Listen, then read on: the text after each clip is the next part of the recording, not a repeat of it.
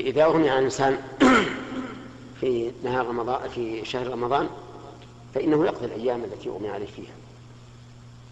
لأنه لم يحصل منه نية لكن إذا أغمي عليه في أثناء النهار صح صومه. نعم. نعم. يلزمه قضاء الشهر كله. نعم. لأن هذا ليس كالجنون.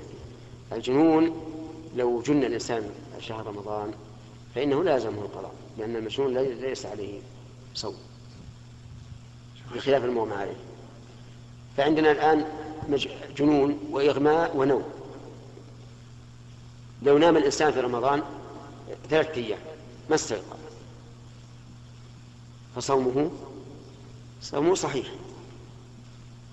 ولو ولا يلزمه القضاء. ولو أغمي عليه لزمه القضاء. ولو جن لم يلزمه القضاء.